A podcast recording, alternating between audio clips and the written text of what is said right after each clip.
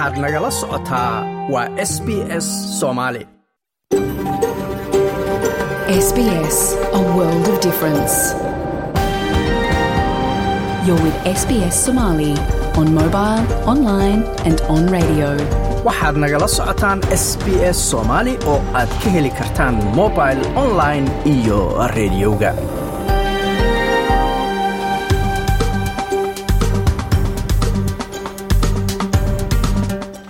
habeen wanaagsan dhammaantiinba meel kastoo aad joogtaan waa habeen arbacaa bisha maarsan ay tahay shan iyo toban sannadka labada kun iyo labaatan iyo saddexda. Halka aad naga dhegaysanaysaanna waa laanta af soomaaliga ee idaacadda s b s oo idinkaga imanaysa stuudioga aanu ku leenahay magaalada melbourne. Magacayguna waa xasan jaamac waxyaalaha aad caawa idaacadda ku maqli doontaanna waxaa ka mid a kiradii baa aad iyo aad culays ugu haya. Kuwa dambe oo xataa gursan lahaa gurigii bay la'yihiin oo gurigii wax ka karaynaya iyagoo inkamkoodii soo bandhigay bay la'yihiin waxaad arkaysaa wiig guri saddex qol ah oo wiig lagu karaynaya toddoba boqol oo dollar. Imise ayay noqonaysaa bishii?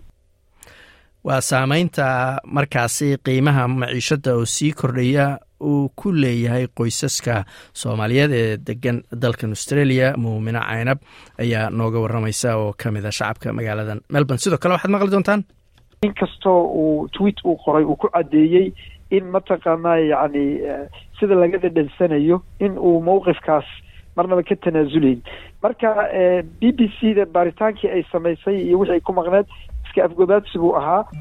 Waa adigu dadka la doonayana in mataqaanaa mawqifyada siyaasadda waa muran ballaaran oo ka dhashay kadib markii gary lineker oo hore u ahaa cayaartooy caan ka ah dalka u k haddana falanqeeya arrimaha isboortiga gaar ahaan kubadda cagta ee dalkaasi uu bartiisa twitterka tweet ku qoray. Markaasna shaqadii b b c du ay ka fariisisay. Muran badan oo ka dhashay ayaa waxaa nooga waramaya aqoon-yahan degan dalkaasi u k. Sidoo kale waxaa ka mid ah. Shirkii hore la qabtay waxaa ka soo baxay talooyin iyo waxyaabaha la rabo in waxbarashada lagu hormariyo. Waxna waa hirgaleen waxna waa ma hirgelin. Shirkan waxyaabihii hore loogu heshiiyey wixii ka hirgalay iyo wixii ka dhiman inay hirgalaan ayaa lagu lafagurayaa. Kadibna waxaa la jeexi doonaa siyaasad. Waa warbixinta uu soo diray waryahayga magaalada muqdisho oo ku aadan shir ballaaran oo arrimaha waxbarashada looga hadlayay oo dhowaanahan ka socotay magaalada muqdisho. Marka horese wararka caawa waxaa ugu waaweyn hay'ad maamusho shirkadaha korontada oo sheegtay in qiimaha korontada gobollada qaar labaatan boqolkiiba ay kordhi doonaan bisha juulaay saraakiisha china ayaa warbixin laga siin doonaa baa layidhi maanta heshiiska gujiska ee oks loo bixiyey oo balaayiin doolar ay ku baxayaan iyadoo dowladda china ay walaac ka muujisay heshiiskaasi. Militariga maraykankuna waxay sheegeen in diyaaradaha dagaalka ruushku ay baalasha ka jareen kadibna soo rideen diyaaradaha aan cidna wadin ee duulee daroonka loo yaqaano oo maraykanku lahaa kuwaasoo ah kuwa waxbasaasa wararkaas iyo kuwo kale ayaad maqli doontaan ee u diyaar garooba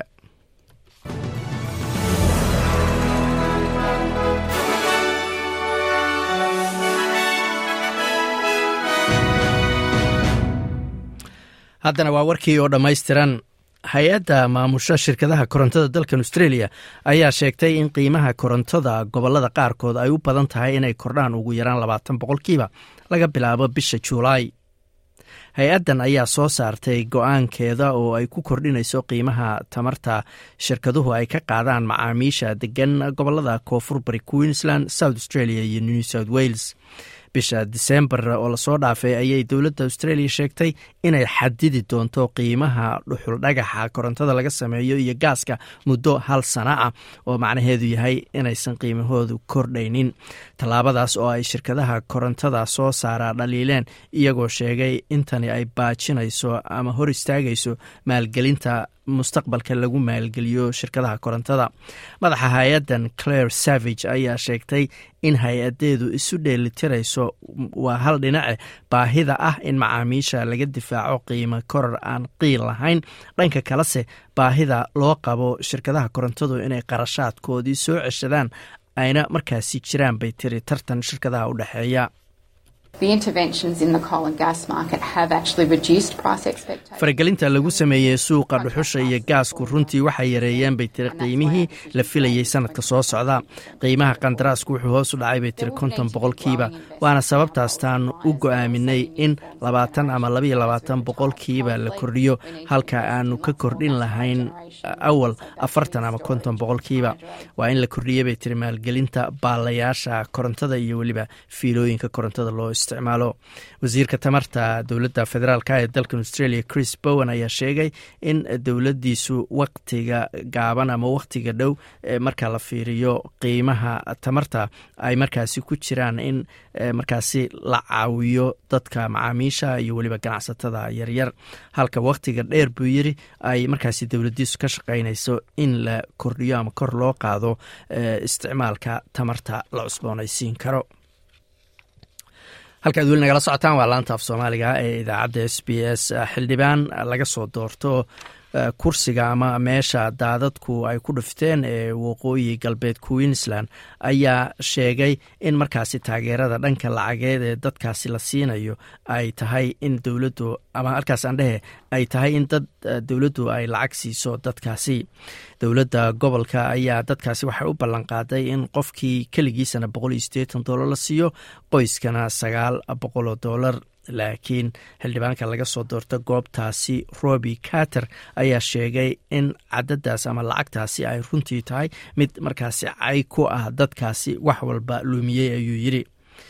Gobolkaasi ayaa markaasi daadad ballaaran ay ku dhufteen waa queensland iyo weliba northern territory saraakiisha china ayaa warbixin laga siin doonaabaa la yiri ama laga siinaya maanta oo arbaco ahayd heshiiska gujiska ee okuska loo bixiyey oo balaayiin doolar oo ay ku baxayso iyadoo ay dowladda china walaac ka muujisay qorshahan. China ayaa ku eedeysay australia iyo dalalka kale ee qeybta ka ah heshiiska okus inay wadaan ama ku socdaan waddo khalada oo khatar ah. Kadib markii lagu dhawaaqay heshiiska australia ku helayso gujisyo nukleerka ku shaqeeya oo qiimahoodu ku kacayo saddex boqol iyo lixdan iyo sideed bilyan oo dollar. Afhayeenada wasaaradda arrimaha dibadda ee dalka china wang wingping ayaa sheegtay in australia u k iyo weliba maraykanka ay indhaha ka qarsadeen walaaca beesha caalamka ay ka qabaan heshiiskan. Laakiin wasiiradda arrimaha dibadda dalkan australia penny wong ayaa sheegtay in eedda china ee ah in australia ay mas'uul ka tahay tartan hubeed ee gobolka ka dhaca ay tahay mid xaqiiqda aada uga fog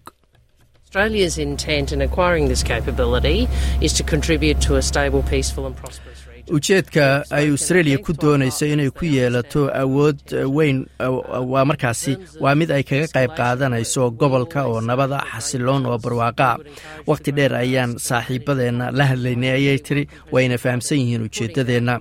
Marka laga hadlayo xiisadda oo sii korodha waxaan mar walba ku dhiirigelinaynay quwadaha waaweyn inay tartankooda si caqli ah ku maareeyaan. Waana soo dhoweynaynaa in madaxweyne biden uu taas miiska soo saaray waxaana ku boorinaynaa tiri china inay mid taa la mida samayso. Miss wong ayaa sheegtay inay markaasi doonayso ama qorsheynayso inay safaro kale ku gaarto gobolka koonfur ama koonfur bari andhehe aasiya iyo gobolka bacifica si ay markaasi ugu qanciso madaxda goboladaasi in australia aysan doonayn inay sii kordhiso xiisad militari isla wararka heshiiskaas okus ayaanu ku jirnaaye. Ra'iisul wasaarihii hore ee dalkan australia paul keating ayaa sheegay in heshiiska okus uu yahay markaasi go'aankii caalamiya ee ugu xumaa ee uu sameeyo hogaamiyo xisbiga leybarka muddo qarni a isaga oo ka hadlayay national press clubka maanta oo arbaco ahayd ayuu master keating sheegay inuu aada uga walacsan yahay waxa uu ugu yeeray saameynta sii kordhaysa ee maraykanku uu ku leeyahay heshiiska okus iyo weliba gujisyada markaasi australia ay soo gadanayso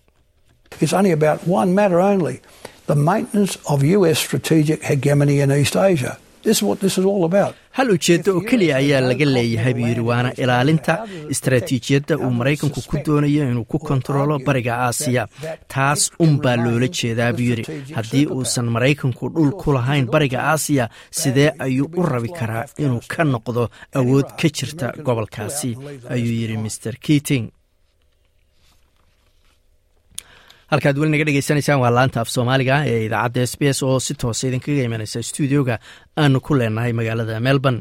Militariga maraykanka ayaa sheegay in diyaaradaha dagaalka ee ruushku ay baalasha ka jareen diyaaradaha aan cidna wadin oo nooca waxa basaase loo yaqaano maraykanku leeyahay.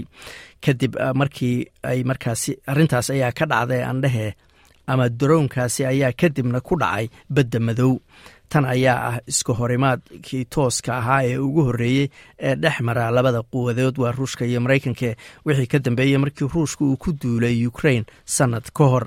Wasaaradda gaashaandhigga ruushka ayaase dhacdadan iyadu si kale u dhigtay iyadoo safiirka u jooga maraykanka uu sheegay in dowladdiisu u aragto dhacdadan dhex martay daroonka m q loo yaqaana ee maraykanka iyo diyaaradda dagaalka ee s u ee ruushku leeyahay ay ahayd arrin daandaansi ah. Maraykanka ayaa duulimaadyo sahan ah si joogtaa uga sameeya gobolka wuxuuna ukrain ku taageeray tobannaan bilyan oo dollar oo gargaar militari ah inkastooo aysan ama maraykanka uusan si toosa dagaalka uga qayb qaadan ku-xigeenka ra'iisul wasaaraha dalkan australia richard miles ayaa sheegay in ruushka looga baahan yahay inuu sharaxo falkan uu ku kacay Um, waanu aragnaa buu yidhi isku dhac ama kulan militariyada ku dhex mara hawada caalamiga ama badaha fogfog. Laakiin waxaa la filayaa in kulamada noocaas oo kale oo militariga uu dhaco si uu u dhaco si xirfadaysan. Waxaa halkan ka cad ayuu yidhi in ruushku uusan xirfad si uusan ruushku si xirfad ku jirto markaasi uusan u dhaqmin. Taasina ay keentay in la soo rido dronkaasi tani waxay ka turjumaysaa buu yidhi in ruushku uusan raacayn shuruudaha ama shuruucda caalamiga aan dhehe. Halkaad weli nagala socotaan waa laanta af soomaaliga ee idaacadda s b s ra'iisul wasaaraha dalka sweden ulf christensen ayaa isagu sheegay in waktigii loo qabtay in dowladdiisu ama dalkiisu uu galo xulafada naato ay dhici karto inay wakti dheer qaadato oo ay ka wakti dheeraato waktiga finland ay markaasi ku biirayso xulafadan tan ayaa u sabab uu yidhi turki waa dalka turkiye oo markaasi diidmooyin kala duwan dalalkan markaasi u soo jeediya waa sweden iyo finland. Labadan dal ayaa ku dhawaaqay inay doonayaan inay ku biiraan xulafadan meydii la soo dhaafay. Wixii ka dambeeyena waxay mar walba ku hadlayeen ama sheegayeen inay doonayaan inay isku mar xubna ka noqdaan. Hase yeeshee shir jaraa-id oo uu ku qabtay stockholm ayuu ra'iisul wasaaraha sweden waxa uu ku tilmaamay in markaasi aysan dhici karin in sweden ay ku biirto xulafadaasi julaydii ama juuntii la soo dhaafay. Laakiinse buu yidhi ay u sahlan tahay finland inay kaga hormarto oo iyadu marka hore ku biirto. Cayaaraha adduunka ee sanadka labada kun iyo labaatan iyo lixda ayaa la filayaa inuu noqdo kii taariikhda ugu dheeraa wakhtiga uu socdo iyadoo afartan maalmood uu socon doono cayaaraha dhici doonana ay yihiin kuwa taariikhda ugu badnaa oo ah boqol iyo afar cayaarood oo markaasi labalaba kooxood ay isaga hor imaanayaan. Arintan ayaa ama dhacdadan waa kubadda cagta adduunka ayaa waxaa martigelinaya dalalka maraykanka canada iyo mexico tirada kooxaha ka qaybgalaya tartankan ayaa hore waxa uu ahaan jiray waa wool kaabka ama cayaaraha adduunka soddon iyo labo labada kun iyo lix iyo tobankase wuxuu noqon doonaa afartan iyo sideed dal iyadoo dalka markaasi ku guuleysta ama dalka markaasi labada dal ee finalka u gudba la filayo inay cayaaraan sideed cayaarood halka awal toddoba cayaarood ay ka cayaari jireen halkaad nagala socotaan waa laanta af soomaaliga ee idaacadda s b s saadaasha hawada berita oo khamiisa inta badan waa cadceed. Magaalada melbourne iyo labaatan iyo lix digrii halkaa sydneyna ay inta badan cadceed tahay iyo soddon iyo shan digrii halka australian dollar maanta waxaa lagu sarifayay lixdan iyo toddobo senti oo lacagta maraykanka ah. Halkaaad weli nagala socotaan waa laanta af soomaaliga ee idaacadda s b s sidaad warkaba ku maqlayseen qiimaha korontada ayaa la sheegay in gobollada qaarkood uu aada u kordhayo. Tan ayaa daba socota iyadoo guud ahaanba sicir bararka dalkan iyo adduunka oo dhan uu aada markaasi cirka isugu shareerayay sanadihii u dambeeyey taasoo keenta markaasi qiimaha maciishadaha kala duwan inay markaasi aada u kordhaan. Haddaba taasi dhibaatooyin badan ayay u geysataa qoysaska meel ay joogaanba muumino caynab oo ah hooyo carruur ku korsata magaalada melbourne ayaan weydiiyey bal sida ay u aragto maciishada sii kordhaysay iyo weliba sicir bararka waxayna tiri waa mahadsantahay inaa ila soo xiriirtid arrintan iga weydiisid. Sanadihii sidii covid nineteenka u dhacay xaaladda inflationka ama sicir bararku cirkaasu aada buu u batay. Hadday noqoto maciishadii caadiga ahayd oo nolol maalmeedka ahayd oo maalintii lagu noolaa hadday noqoto korontadii iyo gaaskii iyo biyihii hadday noqoto batroolkii gaarigii loo isticmaalayay. Marka xaaladaasu waa xaalad la falanqeyn kara maba ahan baaban is leeyahay hadda farahayba ka baxdayba. Waa gartay marka si arrintaas korarkaasoo kale sideed u maaraysaan ma wixii aad soo gadan jirteen baa matalan yaraysaan. Inaad soo gadataan ma korontada mar walba in nalalka la demiyaa sideed u maaraysaanoo isugu daydaan inay lacagtii ay ku filaato qarashaadkaa sii kordhaya. Runtii wax la yarayn karaa ma jiro. Mar haddii uu sicir bararku bato qarashkuna waa kugu badanayaa. Oo wax la yaraynayo markii wax la yaraynayo waa marki wixii ay macnaha isukaa dheelitiran yihiin ama beeci iyo barayska aad ku soo helayso uu macquul yahay. Laakiin hadday wixii kugu qaaliyoobeen oo shaygii aad ku ogeyd shan dollar uu toban dollar tago horta wax yaraanhaya ma jiro in incomekii shaqo la raadiyo wax la minimise gareeyo maxaa la dhahayay? Waxyaalo badan oo la soo gadan jiray ama la isticmaali jiray laga tanaasulo macnaha aan la afoor garayn oo la iska daayo unbay kalifaysaa mooyaane. Wax yaraanaya marna mamaba jiraan ma garatay.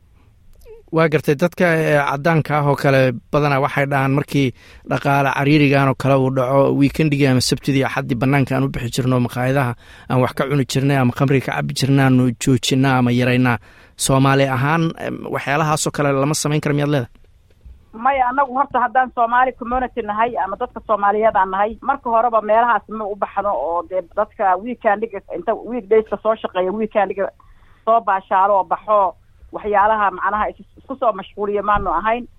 Waxaan nahay dad waxooda iyagu ay soo shaqaystaan ama wixii soo galo income ah gurigooda iyo ilmahooda iyo noloshooda isku isku dheelitiro oo isku ilaaliyaan ahayn. Marka taas waxaan umalaynhayaa xoogaa anagu dhinkaasaan uga fiican nahay oo xagga budgetinka inkastoo soomaalida budgetin ama haddii kale lacagtaan la leeyahay hala xisaabo hala xisaabtamo aanaan ba caado ulahayn oo wixii maalintaasna soo galo aan cunno. Barina berrina ilaahay baanu noo joogo ilaahay baan u leenahay aan macnaha ku xisaabtano ma garat waa gartay kiradoo kalea ka mid ahayd waxyaalaha aada u qaaliyoobay ama guryaha la gadanayo qiimahooda laftigooda.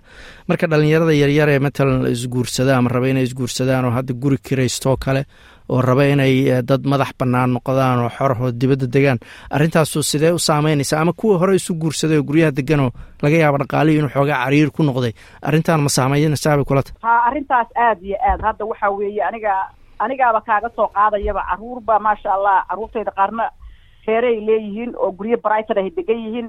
Anigu guri dawladeed baan aniga la isiiyey carruurta aan ku korsaday iminkana aan deganaho aan ku noolahay oo inta ila nool ay ula nooshahay laakiin intii waa weynaatay ama guryaha brightonka kiraystay oo guursaday kiradii baa aada iyo aada culays ugu haya.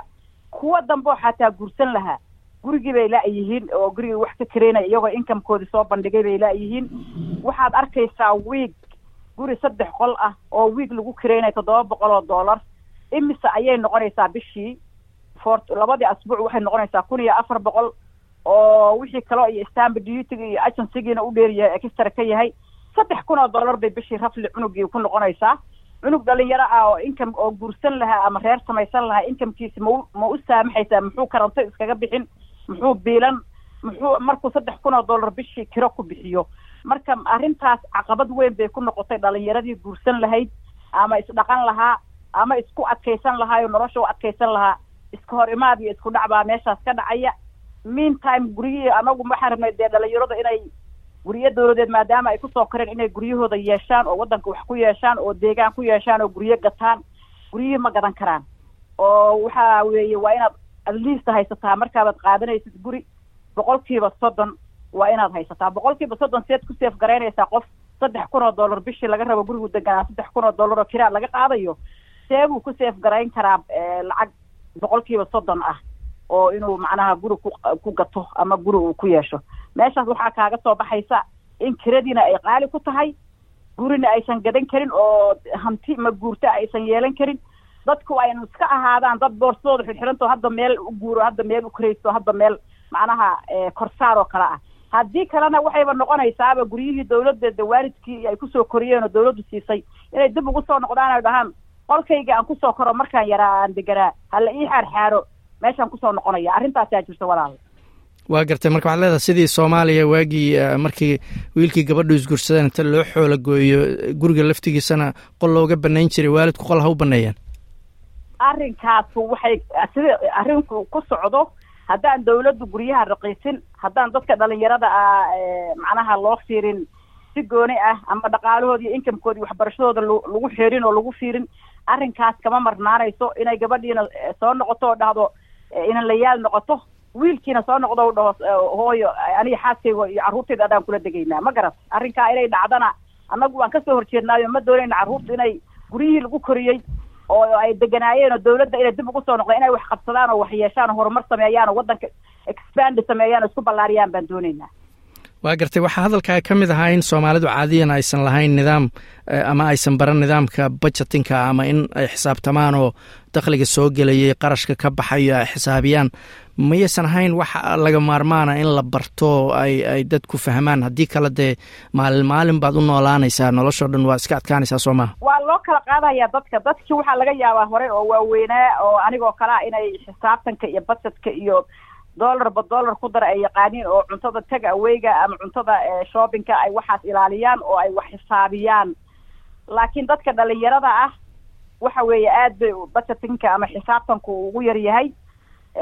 Marka arrinkaas weeye arrinkan ka hadlayo waxaan u hadlayo aniga hadda oo arrinku iula weeyahayna dadka naga hore waaweynaa mooyaane waa dadka dhalinyarada australia ku dhashay ama ku koray ama wax ku bartay ama ku guursaday oo ka shaqeeya wey dadka aniga hadda waanadeyda ama hadalkayguba uu ku socdo inta u badan. Waa gartay caadiyan soomaalida qurbaha joogta lacag badan bay wadankii dib ugu celiyaan oo malaayiin soomaali ah waxay ku nool yihiin lacagaha xawaaladaha loogu soo dira marka maadaama qiimihii halkan uu kacay oo dadkii lacagaha diri jiray laftigooda laga yaaba inay xoogaa dhaqaale xuma soo wajahda sidee u saameynaysaa dadkii africa oo la caawin jiray? Aad iyo aad bay u saameynaysayo dee qofkii aad siin jirtay boqol dollar oo maraykan ah oo ama boqol iyo soddon ama boqol iyo afartan australian aad aad u diri jirto oo aad dhihi jirtay qof baan biilaa ama biil baan siiya dee biil waa dadkeeni waa waddankeeni shaqo male warshado male horumar male dadkaa qurba joogta ah oo shaqeeya baa lagu nool yahay oo ama ilmaho waalidkood iyo waa ehelkii ay ku nool yihiin waxay ku noqonaysaa laba boqol oo australian inuu boqolkii ku daro. Marka meeshaas budgetka iyadana xisaabta dib bay isu guraysaa waa ka go'aysaa. Marka arrintaas iyadana caqabad kala weyihin waa garta ugu dambeynta marka inkastoo qiimuhu ay aada u kordhayaan australia sanadihii u dambeeyey waxay ku fiicnayd qofkii shaqo raba shaqa ma waayeen. Marka bulshada soomaalida intaad adigu garanaysid iyo qoys ahaanta iyo qofkii raba shaqo inuu helo shaqo waa heli karaa ama waa haystaa soo maaha? Aad iyo aad shaqo waa la helaya qof walba inkastoo aqoontiisa iyo skiliskiisa uu haysto macnaha ay ku xiran tahay. Laakiin dee walaalo waxa weeye haddii xataa dhalinyarada jaamacadaha dhameeyey waxbartay ay shaqeeyaan oo shaqo ay helaan inkamekii ay qaataan oo for labada asbuuc la siiyo iyo kiradooda iyo biilashooda isma keenayo. Total isma keenayo. Korontada waxaa lagu keenayaa lix boqol ama toddoba boqol oo dollar baa lixdankii cisho lagu keenin. Biyaha waa saas oo kale gaaska waa saas oo kale gurigiina saddex kun oo dollar bishii. Imisu marka qofkii qaadanaya qofka ugu bata dhalinyarada wuxuu ku shaqaynayaa labadii asbuuc kun iyo afar boqol ama kun iyo laba boqol buu ku shaqaynaya maxaa marka makiraad ku bixisaa ma gaas baad ku bixisaa ma biyaad ku bixisaa mase waad bilataa. Arrintaa caqabadu waa taa. Arrinkaas waxay halis ugu jiraan. Dee qofkii dawladdu ay horey guri usiisoo guri degan waaba gooni laakiin dadka kale oo dhalinyarada oo gurgursado guryaha brivatekaa degan inay guriya guri la'aan ku dhacdo hooy la'aan ku dhacdo banaanada ay seexdaan homelesska uu bato marka anigu waxaaban dhihi lahaa waddanka dawlad maasha allah xoog badan baa ka jirta oo managementgeeda iyo maamulkeedu fiican yahay. Wax walbana la socota oo monitory ku samaysa guryaha raydkooda iyo qaymahooda. Guryaha waa inay dabagal ku sameeyaan qaymo inay u gooyaan oo caab ah oo qofka afoor garayn karo oo waxa la sameeyo assessment ama macnaha waxa la yidhahda survey inta la sameeyo. In dhalinyarada iyo qaymaha lacagtay qaataan iyo guriga si ay ku kiraysan karaan la isku dheeli tira ayaan aad iyo aad u jeclaan laha inaan arko arrinkaa dhulkana la australia waa qaarad weyn. Dhulkii la raliisgareeyo landi raqiis ahoo dadku jiibo dadku ay gataan ama ay ku kiraystaanba hadda qof walba awoodiisa in la soo raliis gareeyo la baneeyo loo ogolaadaan jeclaan lahaa. Inaan arko. Intaan kollaba arrinkaasaan ku talin lahaa taasina waxay ahayd muumine caynab oo ah hooyo carruur ku korsata magaalada melbourne oo ka waramaysay sicir bararka iyo korarka qiimaha maciishadaha kala duwan. Halkaad nagala socotaan waa laantaaf soomaaliga ee idaacadda s b s. Wararka caawan waxaa ugu waaweynaa hay'ad iyadu maamusha shirkadaha korontada australia ayaa sheegtay in qiimaha korontada gobollada qaarkood ay u badan tahay inay kordhaan labaatan boqolkiiba laga bilaabo bisha julaay goboladaas oo kala qayba ka mida queensland south australia iyo weliba new zealand. Saraakiisha china ayaa warbixin laga siiyey maanta ayaa layiri heshiiska gujiska ee ocus loo bixiyey oo balaayiin doolar ay ku baxayso iyadoo dowladda china ay markaasi walaac ka muujisay. Militariga mareykankuna wuxuu sheegay in dagaalka diyaaradaha dagaalka ruushku ay markaasi baalaha ka jareen diyaaradaha aan cidnaa wadin oo nooca waxbasaasa oo daroonka la yidhahdo oo maraykanku leeyahay. Kadibna diyaaraddaasi ay ku dhacday badda madow. Tan ayaa noqonaysa baa liyi iskohorimaadkii ugu horreeyey oo dhex mara labadan quwadood wixii ka dambeeyey markii ruushku uu markaasi ku duulay ukraine muddo hadda sanad laga joogo weli waxaa noo soo socdaa warbixino iyo wareysiyo kala duwan. Marka horese gobolka new south wales shan iyo labaatanka bishan waxaa la filayaa markaas in doorashadii gobolku ay ka dhacdo. Codbixiyaasha gobolkaasi ayaa goobaha codbixinta u dareeraya maalinta sabtida ee shan iyo labaatan bisha maars ay tahay si ay u doortaan baa layidhi xildhibaanada baarlamaanka soo socda inaad codayso waa ku qasab qof kasta oo u diiwaan gashan doorashada. Waxaana la filayaa inay ka qayb qaataan doorashadaasi shan dhibic afar milyan oo qof oo markaasi iyagu diiwaan gashan. Dowladda isbahaysiga ee uu hogaamiyo premierka hadda talada hayo dominic perite ayaa dooneysa inay muddaxileedkeedii afraad oo isku xiga markaasi ay ku guuleysato xafiiska. Mucaaradka mr berite kula tartamaya xilka sare waa hogaamiyaha xisbiga leybarka chris mins oo u tartamaya xilkan markii ugu horreysay kadib markuu hogaanka xisbigaasi la wareegay bishii juun kowdii. Baarlamaanka new south wales ayaa isticmaala nidaamka labada aqala oo kale ah aqalka hoose oo legislative assembly loo yaqaano iyo aqalka sare oo la yidhaahdo legislative council. Doorashada gobolka ayay codbixiyaasha degan sagaashan iyo saddex deegaan doorasho ay doorashadan xildhibaanada u matalaya aqalka hoose markaas soo dooranayaan aqalka sare ayaa isagu ka kooban afartan iyo laba xubnood doorasho kastana waxaa la doortaa kow iyo labaatan xubnood oo ka mida kuwaas oo muddo sideed sana ah xilka haya. Haddii daruufo awgeed uu qofku goobta codbixinta u tegi waayo waxa uu xaq u yeelanayaa inuu codkaasi ku dhiibto boostada oo markaasi boostada uu ku diro codkiisa codsiga inaad ku codayso boostada waa in uu gaaro guddiga doorashada new south wales ka hor shanta galabnimo labaatanka bisha maarso waraaqaha codbixinta oo la buuxiyey iyo shahaadada codbixinta boostada waa inuu guddiga doorashadu helo ka hor lixda fiidnimo lixda bisha markaasi abriil nidaamka codaynta onlineka ee ivot looma isticmaalayo doorashadan ayaa la yiri in ka badan laba kun iyo afar boqoli konton goobood oo codayna ayaa laga furayaa kiniisadaha iskuullada xarumaha bulshada iyo goobo kale oo gobolka oo dhana. Goobaha codbixinta ayaa furmaya sideedda subaxnimo maalinta doorashada waxayna furnaanayaan ilaa lixda markaasi fiidnimo. Faahfaahin ku saabsan goobaha lagu codaynayo waxaa laga heli karaa website-ka guddiga doorashada ee gobolka new south wales marka aad gasho goobta codaynta shaqaalaha ayaa codbixiyaha weydiinaya magaciisa cinwaanka ama meesha uu degan yahay goob codayntiisa ama goobta markaasi codka laga soo doorto xubintiisa baarlamaanka iyo inuu qofku hore u codeeyey isla doorashadaasi. Markii xogta ama macluumaadka qofta la xaqiijiyana waxaa la siinayaa waraaqaha codaynta haddii shaqaalaha codbixintu magaciisa ay ka waayaan diiwaankana waxaa laga buuxinayaa warqad uu saxiixayo oo lagu hubinayo inuu yahay qofka uu sheeganayo gobolka new south wales codbixiyaasha xaqa u leh ee diiwaan gashan waxaa laga doonayaa inay ka codeeyaan doorashooyinka gobolka kan federaalka iyo kan golaha deegaanada. Ciddii samayn weyda taasna waxa ay mutaysanaysaa ciqaab ama ganaax. Sida loo codeeyo markuu qofku yahay hoyla-aan ama homeless qof naafaa ama gobol kale ama dibadda dalka ku sugan muwaadiniinta aan lahayn meel ay joogta ah meel joogta ama oo ay degan yihiin ama ku nool meelo kumeel gaara iyaguna waa isdiiwaangelin karaan inay codkooda dhiibtaan. Haddii shakhsiyaadka duruufahaasi ku jira ay codayn kari waayaan lama ganaaxayo ayaa la yidhi. Haddii codbixiyaasha naafada ah ay gargaar u baahan yihiin waxay soo kaxaysan karaan baa layidhi saaxiib ama qof qaraabo ah oo ka caawiya inuu codka dhiibto ama waxay caawimaad weydiisan karaan shaqaalaha doorashada haddii ay kugu adkaato inaad qof ahaan goobta codaynta tagto waxaad dalban kartaa inaad hore u sii codayso ama aad boostada ku codayso ama telefoon ku codayso. Haddii codbixiyuhu gobol kale joogo hore ayuu u codayn karaa ama boostada ayay ku codayn karaan. Codbixiyaasha ka diiwaangasha new south wales laakiin fasax ku maqan ama dalka dibaddiisa ku nool xilliga doorashada waxaa looga baahan yahay inay boostada iyaguna ku codeeyaan guddiga doorashada gobolka new south wales waxay bixisaa macluumaad ku saabsan sida la isu diiwaangeliyo iyo sida loo codeeyo iyo weliba macluumaadka musharaxiinta oo ku qoran labaatan iyo shan luqadood oo af ingiliishka uu ku jiro. Waxaa goobta doorashada jooga shaqaale luqado kale ku hadla oo wato calaamado muujinaya luqadda kale ee qofkaasi uu ku hadli karo guddiga doorashada ayaa sidoo kale bixiya turjumaad telefoon oo bilaash ah oo luqadda markaasi aan liiskaasi ku jirin. Shaqaalaha doorashadu waxay kugu xiri karaan t i s hay'adda la yidhaahdo oo ah hay'ad turjumaan ah.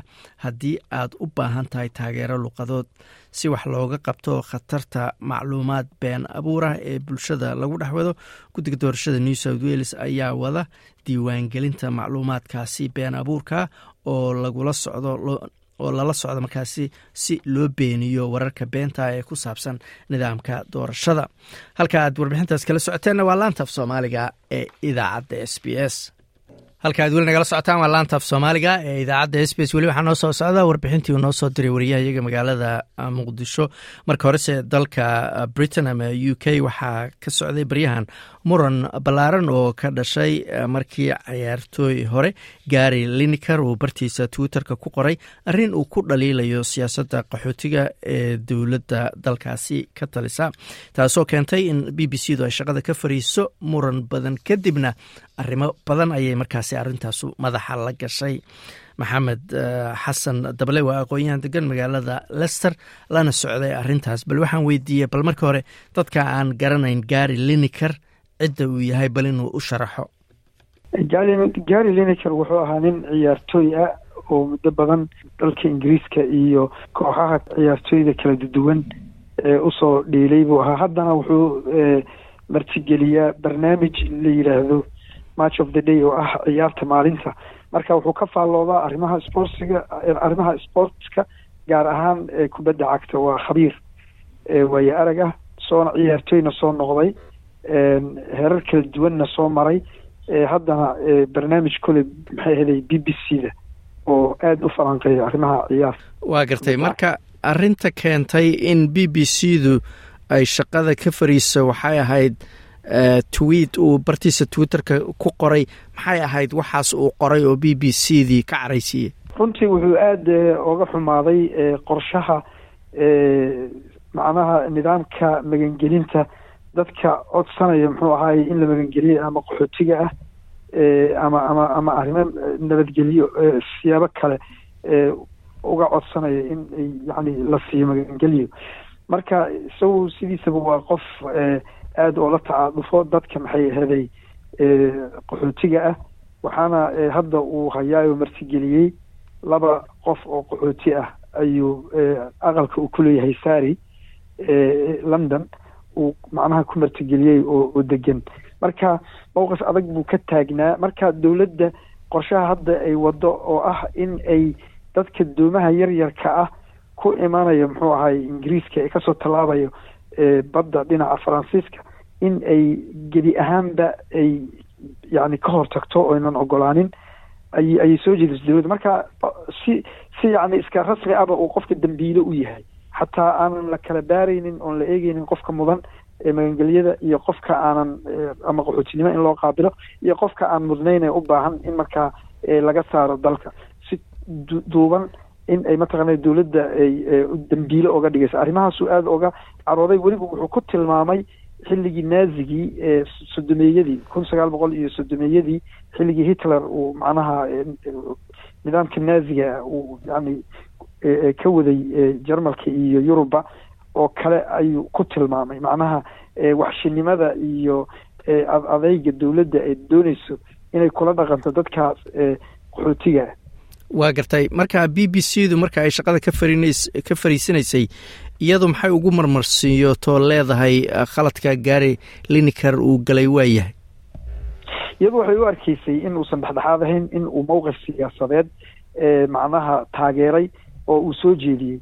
Xaqna qofka uu uleeyahay sideedaba in uu mowqif macnaha siyaasadeed inuu sheego. Dad badanoo waxaa jira mowqif siyaasadeed sheego barnaamijyada kule b b c da oo aanan waxba la qoran. Waxaa ka mid ah sir alan sugar oo ah nin mataqaanay maalqabeen ah taageerina jiray berigii hore xisbiga lebor waayihii dambena weliba isaga oo aqalka odayaashana house of lordskana ka mid ah oo ay lebor macnaha xulatay xilligii maxay aheeday gordon brown baan filaya saaxiib dhowna ay ahaan jireen gordon brown ayaa aragtidiisi ka duwanaatay aragtidii lebor marka wuxuu u ololeyn jiray isagoo barnaamij kule b b c apprentice la yidhaahdo ayuu wuxuu dhihi jiray hala doorto xisbiga muxuu ahaa xisbiga conservativeka ama muxaafidka marka waxyaabahan nifaaqnimada iyo labagujiileynta ayay b b c da ku dhaqmaysa. Haddana scandal iyo fadeexayba ku jirtaayo ninka b b c da hogaamiyahayda sare ah waxaa magacaabaa inta badan ra'iisul wasaaraha ra'iisul wasaarihii hore boris johnson ayuu u fududeeyey loon in uu qaato. Isaguna wuxuu ugu abaalguday in uu u sarreysiiyey muxuu ahay hay'adda b b c da dooda iyo arrimahaasna saxaafadda way ka bixi laadahay marka b b c da iyadoo dhan baa mataqaanay waxay ku jirtaa runtii marxalad aada iyo aada xagga sumcadeeda iyo anshaxa ay dhaawac weyn ka soo gaartay. Waa gartay. Marka dad badan baa gaari liniker hadalkiisa ama taageeray. Barnaamijkii uu ka sii dayn jiray b b c da match of the day intii gaari liniker hadda uu ka maqnaa wax sii wada xataa waa la waayey iyadoo dad badan ay isaga taageerayaan. Aada iyo aad runtii aad baa loo taageeray taageero aada u ballaaran buu helay. Waxaa waxaa weye halkan waxaa cadaadiya b b c da waxay yidhahdaan baaritaan baan ku samaynaynaa arrinkaas. In uu yacni nidaamka u degsan anshaxooda uu ku xadgudbay in kale. Haddana way soo celiyeen oo barnaamijkii wuu socon doonaa isaguna wuu aqbalay inkastoo uu tweet uu qoray uu ku caddeeyey in mataqaanaa yacni sida laga dhadhansanayo in uu mowqifkaas marnaba ka tanaasulayn marka b b c da baaritaankii ay samaysay iyo wixii ku maqneed iska afgobaadsi buu ahaa. Waa adigu dadka la doonayana in mataqaanaa mowqifyada siyaasadda iyagoo ay rabaan inay taageeraan maadaama xisbigan hadda conservativeka. Hadda dood baaba bilaawtay dooda bilaawtayba waxay tahay in ah in uusanba magacaabinba nin mataqaanay b b c da oo kale si ay u madax banaanaato in laga laga ilaaliyo inuu ra'iisul wasaare magacaabo oo shaksi siyaasadeed ah. Marka oo yacni si kale loo shaqaaleeyo ama hay'ad lagu wareejiyey xilkaas oo loo ogyimado ka madax banaan siyaasadda. Marka doodu halkaasay hadda maraysaa. Waa garta marka hadda b b c du waxay ku sheegaysay gari liniker inuu ku xadgudbay dhexdhexaad inuu ka noqdo arrimaha siyaasadda. Laakiin dadka qaar baaba ku eedeynaya miyaa madaxda b b c da in laftigoodu aysan dhexdhexaad siyaasadda ka ahayn oo ay gaari u eriyeen maadaama uu dhaliilay siyaasaddii xisbiga conservativeka ama muxaafidka oo laftigiisu uusan dhexdhexaadba ahayn ha arrinkaasi dad badan baa aaminsan sababtoo dood dhan baaba ka taaganba qaabkii uu hadda madaxa b b c da uu meesha ku yimid yacni axsaan loo sameeyey iyo iyo maxay aheeday axsaan uu sameeyey isaga iyo ixsaan loo sameeyey iyo maxay aheeday ayayba sheekada dhanba ka dhamaan laadahay marka musuq maasuq meeshii ugu sarreysay ah ayaa haraysay b b c da weliba arrinkaa waxaa ku lugle ra'iisul wasaarihii hore ee boris johnson sidaan horey u sheegayba in uu loon dalbaday.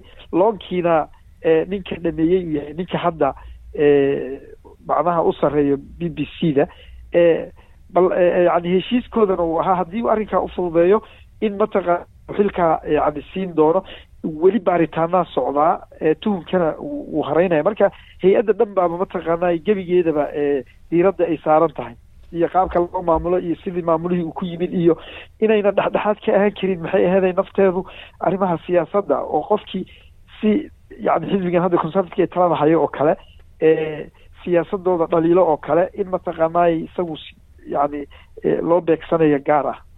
Waa gartay marka ugu dambeynta maxamedow gary lineker shaqadiisa hadda wuu ku soo noqonayaa barnaamijyadii dib buu u bilaabaya ma la ogyahay isaga iyo b b c da waxa ay ku heshiiyeen marka laga reebay in b b c du ay tiri dib u eegid baan waxaan ku sameynaynaa siyaasadaheena baraha bulshada.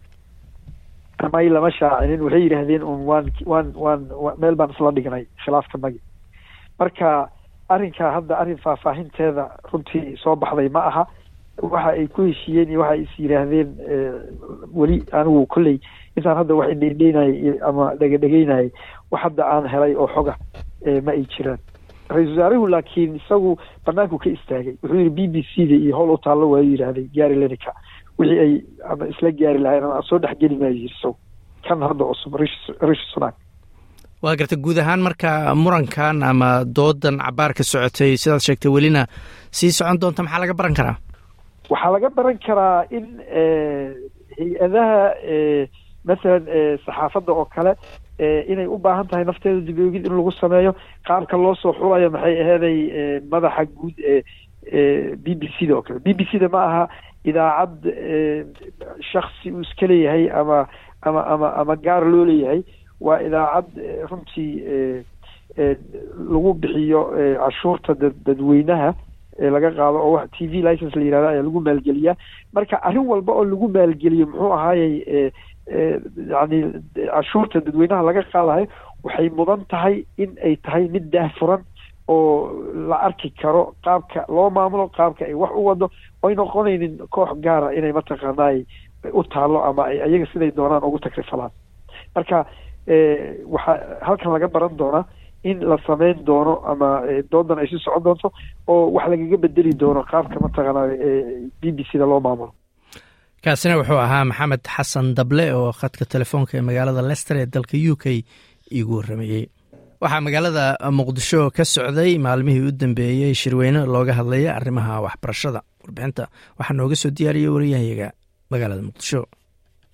Waxaa maalinkii saddexaad muqdisho ka socda shirweynaha qaran ee waxbarashada kaasi oo ay soo agaasintay wasaaradda waxbarashada ee tacliinta sare ee xukuumadda federaalk ee soomaaliya shirweynahan oo ujeedadiisa lagu sheegay sidii loo horumarin lahaa waxbarashada dalka islamarkaana siyaasad midaysan oo dhanka waxbarashada uu u yeelan lahaa guud ahaanba dalka ayaa waxaa ka qaybgelaya aqoon-yahano kala duwan iyadoo ay goobjoog u yihiin wasiiro hadda ka tirsan xukuumadda iyo wasiiradii hore u soo maray wasaaradda waxbarashada xukuumadda soomaaliya.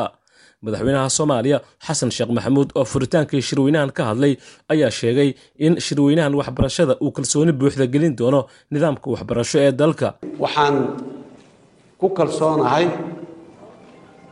in maanta shirkan la isugu yimiday oo kalsooni badan geli doono mustaqbalka iyo nidaamka waxbarashada aan hiigsanayno waxbarashadeennu waa waxbarasho wadatashi isla jaanqaad iska warqab ku salaysan ee mid hal meel uun laga yeeriye laga soo agsumo maaha.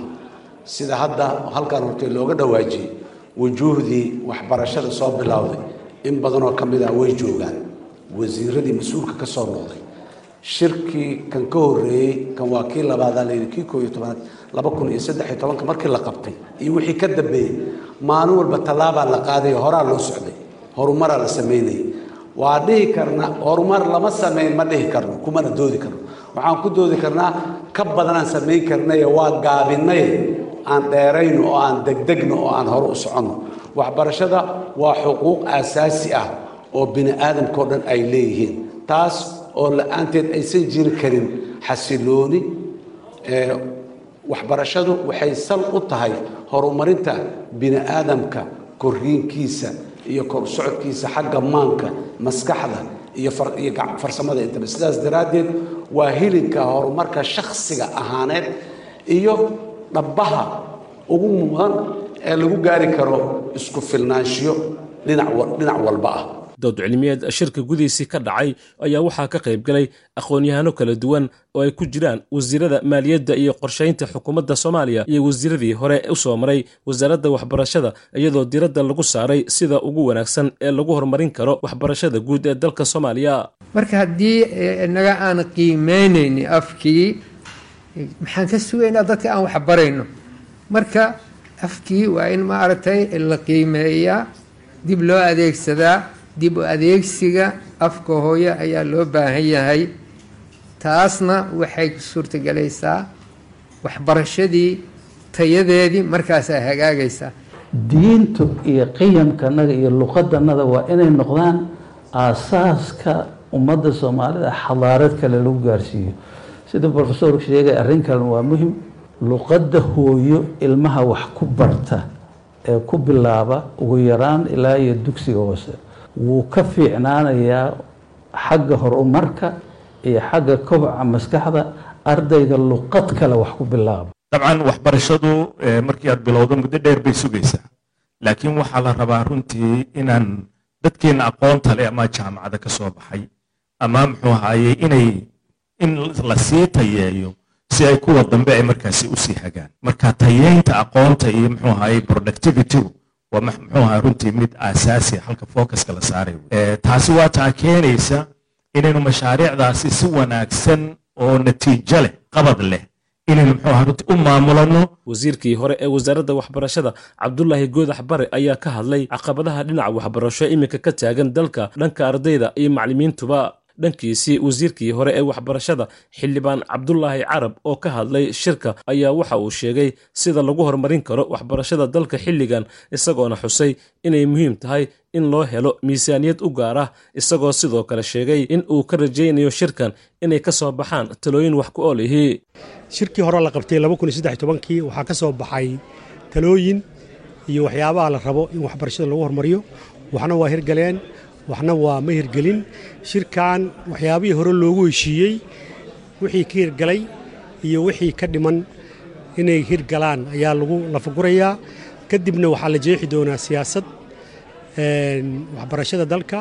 oo ah inay noqoto ajando qaran oo oo horumarkee oo shirkan waxaan rajeynayna inay ka soo baxaan talooyin wax ku ool ah oo waxbarashada lagu horumarinayo.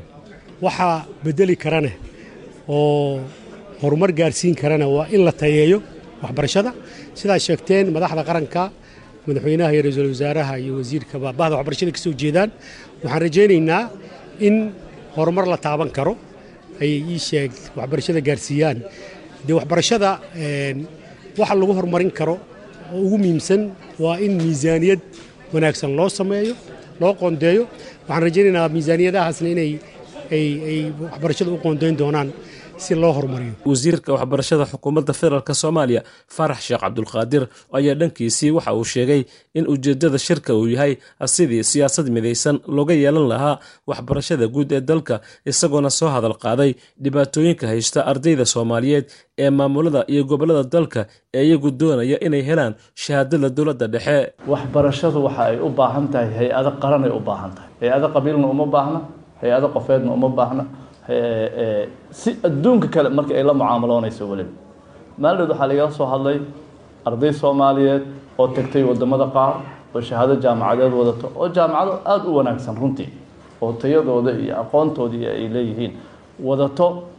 Oo shahaadooyinkii markay meesha la tageen layidhi waxaa loo baahan yahay qaran soomaali la yihahdaa jiro oo adduunyada ay aqoonsan tahay. B o bokiska soomaaliya adduunyada ay ku leedahay waa qaranka soomaaliya wax la dhaho waayo. Waa dowladda federaalka ee soomaaliya hay'adaheeda marka waxaa shahaadadan lama aqoonsano ardaydu waxay ka yimaadeen hargeysa ardaydii waa ila soo hadleen iyo waalidiintooda ardaygu dembi male eedna ma eedna male waxaan la hadlay mas'uuliyiintii jaamacadaha halkaa joogtay. War ardaygan shahaadadiisa inaan anaga aqoonsanaan rabnaa.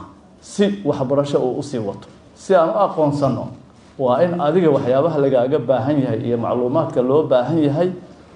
Aada keento si aan u diiwaan gelino haddii kaleeto shahaado annaga aanan haynin diiwaankeeda adduunyada ma dhihi karno shahaadadan shahaadadii saxda ahayd waayo ma dhihi karno maxaa dhibay kugu haysaa marka? Maxaa mushkilad ah oo adiga haddii aada joogto deegaan hebel dhiba ay kugu haysaa inaad taa soo marto?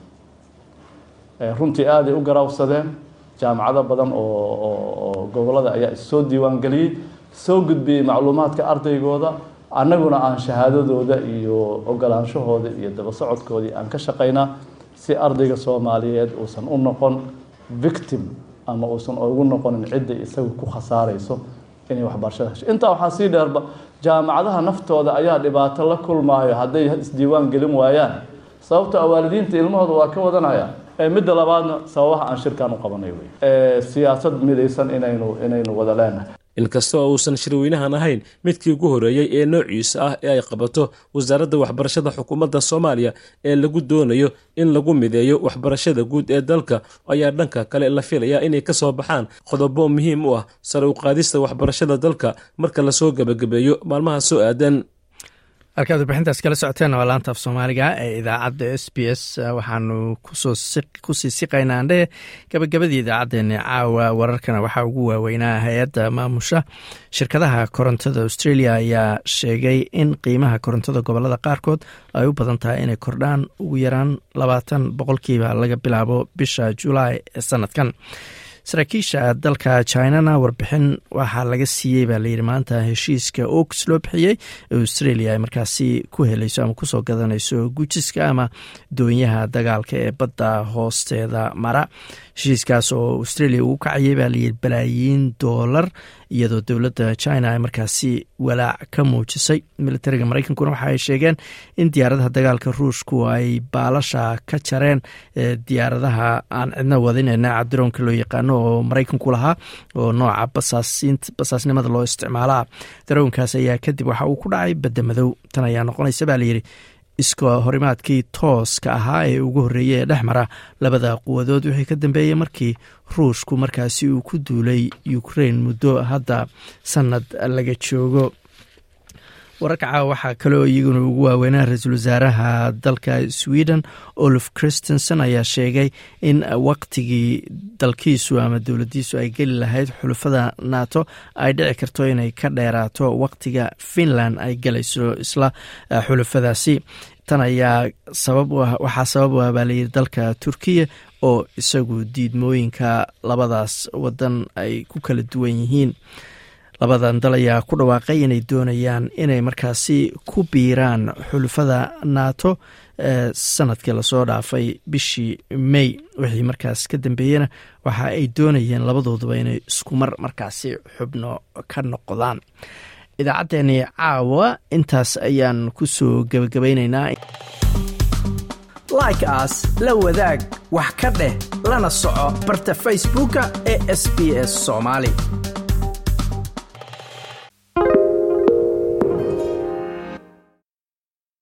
SBS is Australia's most trusted multilingual broadcaster. Our listeners are loyal, highly engaged, and have supported countless local businesses. We offer advertising packages for businesses of all sizes. Our experienced sales team will guide you through the process of owning a great campaign. Bring your own ad or have our production team make you something in one of our 68 languages. Start the conversation with your new audience today. Email sales at sbs.com.au.